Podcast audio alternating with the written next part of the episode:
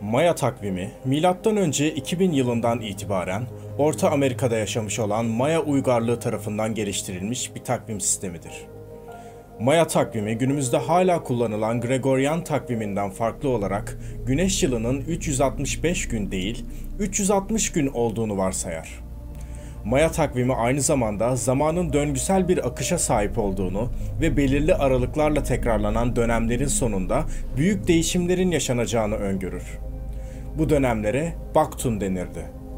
Maya takvimi ile ilgili en çok merak edilen konulardan biri de 2012 yılında sona ereceği iddia edilen 13. Baktun'un ne anlama geldiğidir. Bazıları bu tarihin dünyanın sonu olduğunu, bazıları ise yeni bir çağın başlangıcı olduğunu savunur. Maya takvimi hem matematiksel hem de astrolojik açıdan çok gelişmiş bir sistem ve günümüzde bile hala çözülememiş pek çok gizemi içinde barındırır.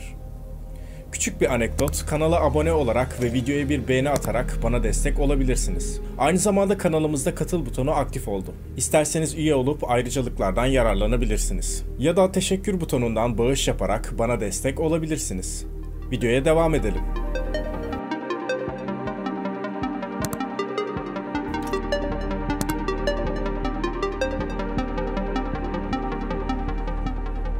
Mayalar, toprakları bugünkü Guatemala, Belize, Honduras, El Salvador ve Güneydoğu Meksika'ya ait Tabasco, Yucatan ve Quintana Roo'yu kapsayan gelişmiş bir Mezoamerikan toplumuydu. Milattan sonra 250 ile 900 yılları arasında 600 yıllık dönem Mayaların klasik çağıydı. Bu çağda imza attıkları sanatsal ve entelektüel başarılarla Kristof Kolomb'un keşfi öncesi Amerika kıtasındaki tüm medeniyetleri yakalamışlardı. Mayalar Amerika kıtasında tarihlerini kaybeden ilk toplumdu. Bu kayıtların çoğu stelesleri süslüyordu yani taş sütunları ve kamusal olayları, Mayaların takvimi ve gökbilimsel bilgileri içeriyordu. Mayaların kültürel başarılarının en önemli örneğinin daha sonraları yapılan Aztek takvimini büyük ölçüde etkileyen olağanüstü karmaşık takvimleri olduğunu söyleyebiliriz. Bu takvim 21. yüzyılın başında bir kıyamet alameti olarak önemli hale geldi. Çünkü üzerinde tarihler okunduğunda 2012'nin kış gün dönümünde yani 21 Aralık sıralarında büyük bir sel felaketiyle dünyanın yok olacağını gösteriyordu. 2012 yılını ben de çok iyi hatırlıyorum. Bu takvimle alakalı birçok söylenti o dönemde gayet popüler hale gelmişti. Takvimler genellikle güneş, ay, gezegenler ve yıldızların hareketleri gibi gökbilimsel olaylara göre hazırlanır. Eski çağ medeniyetleri, mevsimleri, ayları ve yılları belirlemek için gökyüzündeki bu sistemlerin hareketlerini gözlemliyorlar, rahip gökbilimciler dönemlerin başlangıcını ilan ediyorlardı. Bu takvimler bugün de olduğu gibi hem tarım, avcılık ve göç etkinliklerini düzenlemek hem de dini ve kamusal olayların tarihlerini belirlemek amacıyla kullanılıyordu. Takvim yapan ilk medeniyetlerden biri yaklaşık 5000 yıl önce Güney Mezopotamya'da yaşayan Sümerlerdi. Daha sonra Babillilerin kullandığı Sümer takvimi yılı 30 günlük aylara, günü 12 periyoda ve bu periyotları da 30 parçaya bölüyordu. İlk Mısır takvimi ayın hareketlerinden yola çıkıyordu. Ancak daha sonra Mısırlılar Ak Yıldız'ın yani büyük köpek takım yıldızlarındaki bir yıldız olan her 365 günde bir Nil'in taşmasından birkaç gün önce güneşle birlikte ortaya çıktığını fark ettiklerinde değiştirildi. İşte bu olaydan yola çıkarak M.Ö. 4236 yani tahminen kayıtlara geçen ilk tarih bu. Sıralarında başladığı düşünülen 365 günlük bir takvim yaptılar. Mısır yılında her biri 30 günlük 12 ay ve bunlara ilaveten yılın sonunda 5 gün vardı. Aylar her biri 10 gün süren 3 periyoda yani haftaya bölünmüştü. Yani 3 haftaya bölünüyor. Milattan önce 46'da Julius Caesar'ın yaptığı Julian takviminde bir yıl 12 aya bölünmüştü. 365 günden oluşuyordu ve 4 yılda bir Şubat ayında bir artık gün ekleniyordu. Bu takvim 1582'de daha gelişmiş bir takvim olan Gregorian takvimi yapılıncaya kadar standart Avrupa takvimi olarak kullanıldı. Kristof Kolomb keşfi öncesi dönemin Amerika'sında takvimlerin Mayaların ve Azteklerinki de dahil 260 günlük ayinsel yıl gibi birçok ortak özelliği vardı. Mayaların yaşamlarının ve kültürlerinin merkezi olan Maya takvimi yalnızca Güneş ve Ay'a değil, aynı zamanda Venüs gezegeninin ve Pleiades takım yıldızının hareketlerine de dayanıyordu. Aslında bugün Maya takvimi olarak bildiğimiz takvim, birbirine paralel kullanılan 3 farklı takvim sisteminden oluşan bir dizi. Bu sistemlerin en eskisi ve en önemlisi kutsal ve dini bir yere sahip olan Tzolkin'di. ya da okunuşu nasılsa. Diğeri ise Hab. Bu da tarımsal ve kamusal olaylara göre ayarlanmış bir güneş takvimiydi. Tzolk'in diğer adıyla Kutsal Yıl. Çocuklara isim koymak, geleceği tahmin etmek ve savaş ve evlilik gibi olayların zamanını kararlaştırmak amacıyla kullanılan dini bir takvimdi.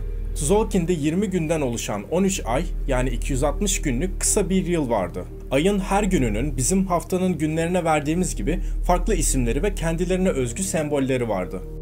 Mayaların günlerinin adları Imix, Ik, Akbal, Kan, Çıkan, Çimi, Manik, Lamat, Maluç, Oc, Chuyen, Ep, Ben, X, Men, Chip, Çaban, Euznap, Kavaç ve Ahao'ydu. Bu isimlerin her biri gökyüzünde zamanı taşıyan, böylelikle gün ve gecenin yolculuğunu gösteren bir tanrı isim geliyordu. Görünüşe bakılırsa Mayalar Tzolk'in kısa yıl sistemini Güney Meksika'nın merkezinde yaşayan, tarihleri M.Ö. 1500'e dayanan ve bu şekilde bilgi kaydetmeye M.Ö. 600'de başlayan yerli bir halk olan Zapoteklerden almıştı. Tzolk'in hareketlerini takip etmek için piramitleri ve gözlem evlerini kullanan Mayalar için çok önemli bir takım yıldız olan Pleiades yıldız kümesinin hareketlerini baz alan bir takvimdi. Aslında Mexico City yakınlarındaki Teotihuacan piramidi ve tapınağı Pleiades'in ufuk çizgisi boyunca dizildiği konuma göre ayarlanmıştır. Daha sonra Mayalar Tzolkin'i kadınların ay döngülerini yansıtan 28 günlük hareketleri kullanan Tun-Uk adlı ay takvimiyle birleştirdi. Hab yani belirsiz yıl, belirsiz denmesinin nedeni ay takviminden çeyrek gün kısa olduğu için belirsiz deniyor. Bazı açılardan bugün kullandığımız takvime benzeyen bir güneş takvimine öncelikle tarım ve mevsimlerle bağlantılıydı. Klasik Maya döneminde Hab'ın günleri sıfırdan 19'a kadar sıralanmıştı ve yılın ilk günü sıfırla başlardı. Hatta sıfır sayısını bulanlar da kısmen Mayalardı. Sayma sistemlerinde bizimkinde olduğu gibi 10 değil 20 esas alınmıştı. Bu yüzden bir sonraki sayı dizinine geçmeden önce sıfırdan 10'a kadar değil 19'a kadar sayıyorlardı. Haab takviminde her biri 20 günden oluşan 18 ay vardı. Bunların ardından 5 gün süren uğursuz ay, Uayep geliyordu. Böylelikle bir yıl güneş takviminde olduğu gibi 365 güne denk oluyordu.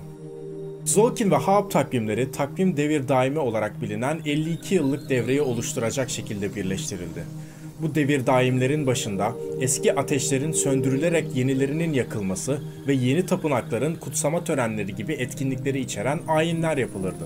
16. yüzyıl Avrupa'sındaki Julian takviminden daha doğru olduğu ileri sürülen Long Count takvimi tahminlere göre M.Ö. 1. yüzyıl civarında yapılmıştı ve uzun süreleri kapsayan tarihlerin kaydedilmesinde kullanılıyordu. Aslında bu takvim M.Ö. 3114 yılının Ağustos ayından bu yana geçen günlerin toplamını içerir. Bu tarih 4. Maya evreninin ya da bugünkü büyük devir daimin başladığı tahmin edilen tarihtir. Bu aslında bizim milattan sonra 1. yılımızın 1 Ocağı gibi Maya yılının başlangıç noktasıdır. Bu yüzden bu devrin başlangıç tarihi milattan önce 3114 yan yana 5 sıfırı sıralayarak yazılır. Ve bir sonraki devir başladığında 394 yıllık 13 dönem sona erdikten sonra tekrar bir dönem başlayacak ve bu dönemde 2012 yılına denk gelmektedir. Long Count takvimi 360 günlük bir tun esas alınıyordu. 20 tun bir katuna denk geliyor. Katun 7200 gündür. 20 katun bir boktuna eşit, o da 144 bin gün demek. Ve 13 baktun ve büyük devir daim toplamda 1 milyon 872 bin gün ediyor. Yani yaklaşık o da 5130 yıl demek oluyor.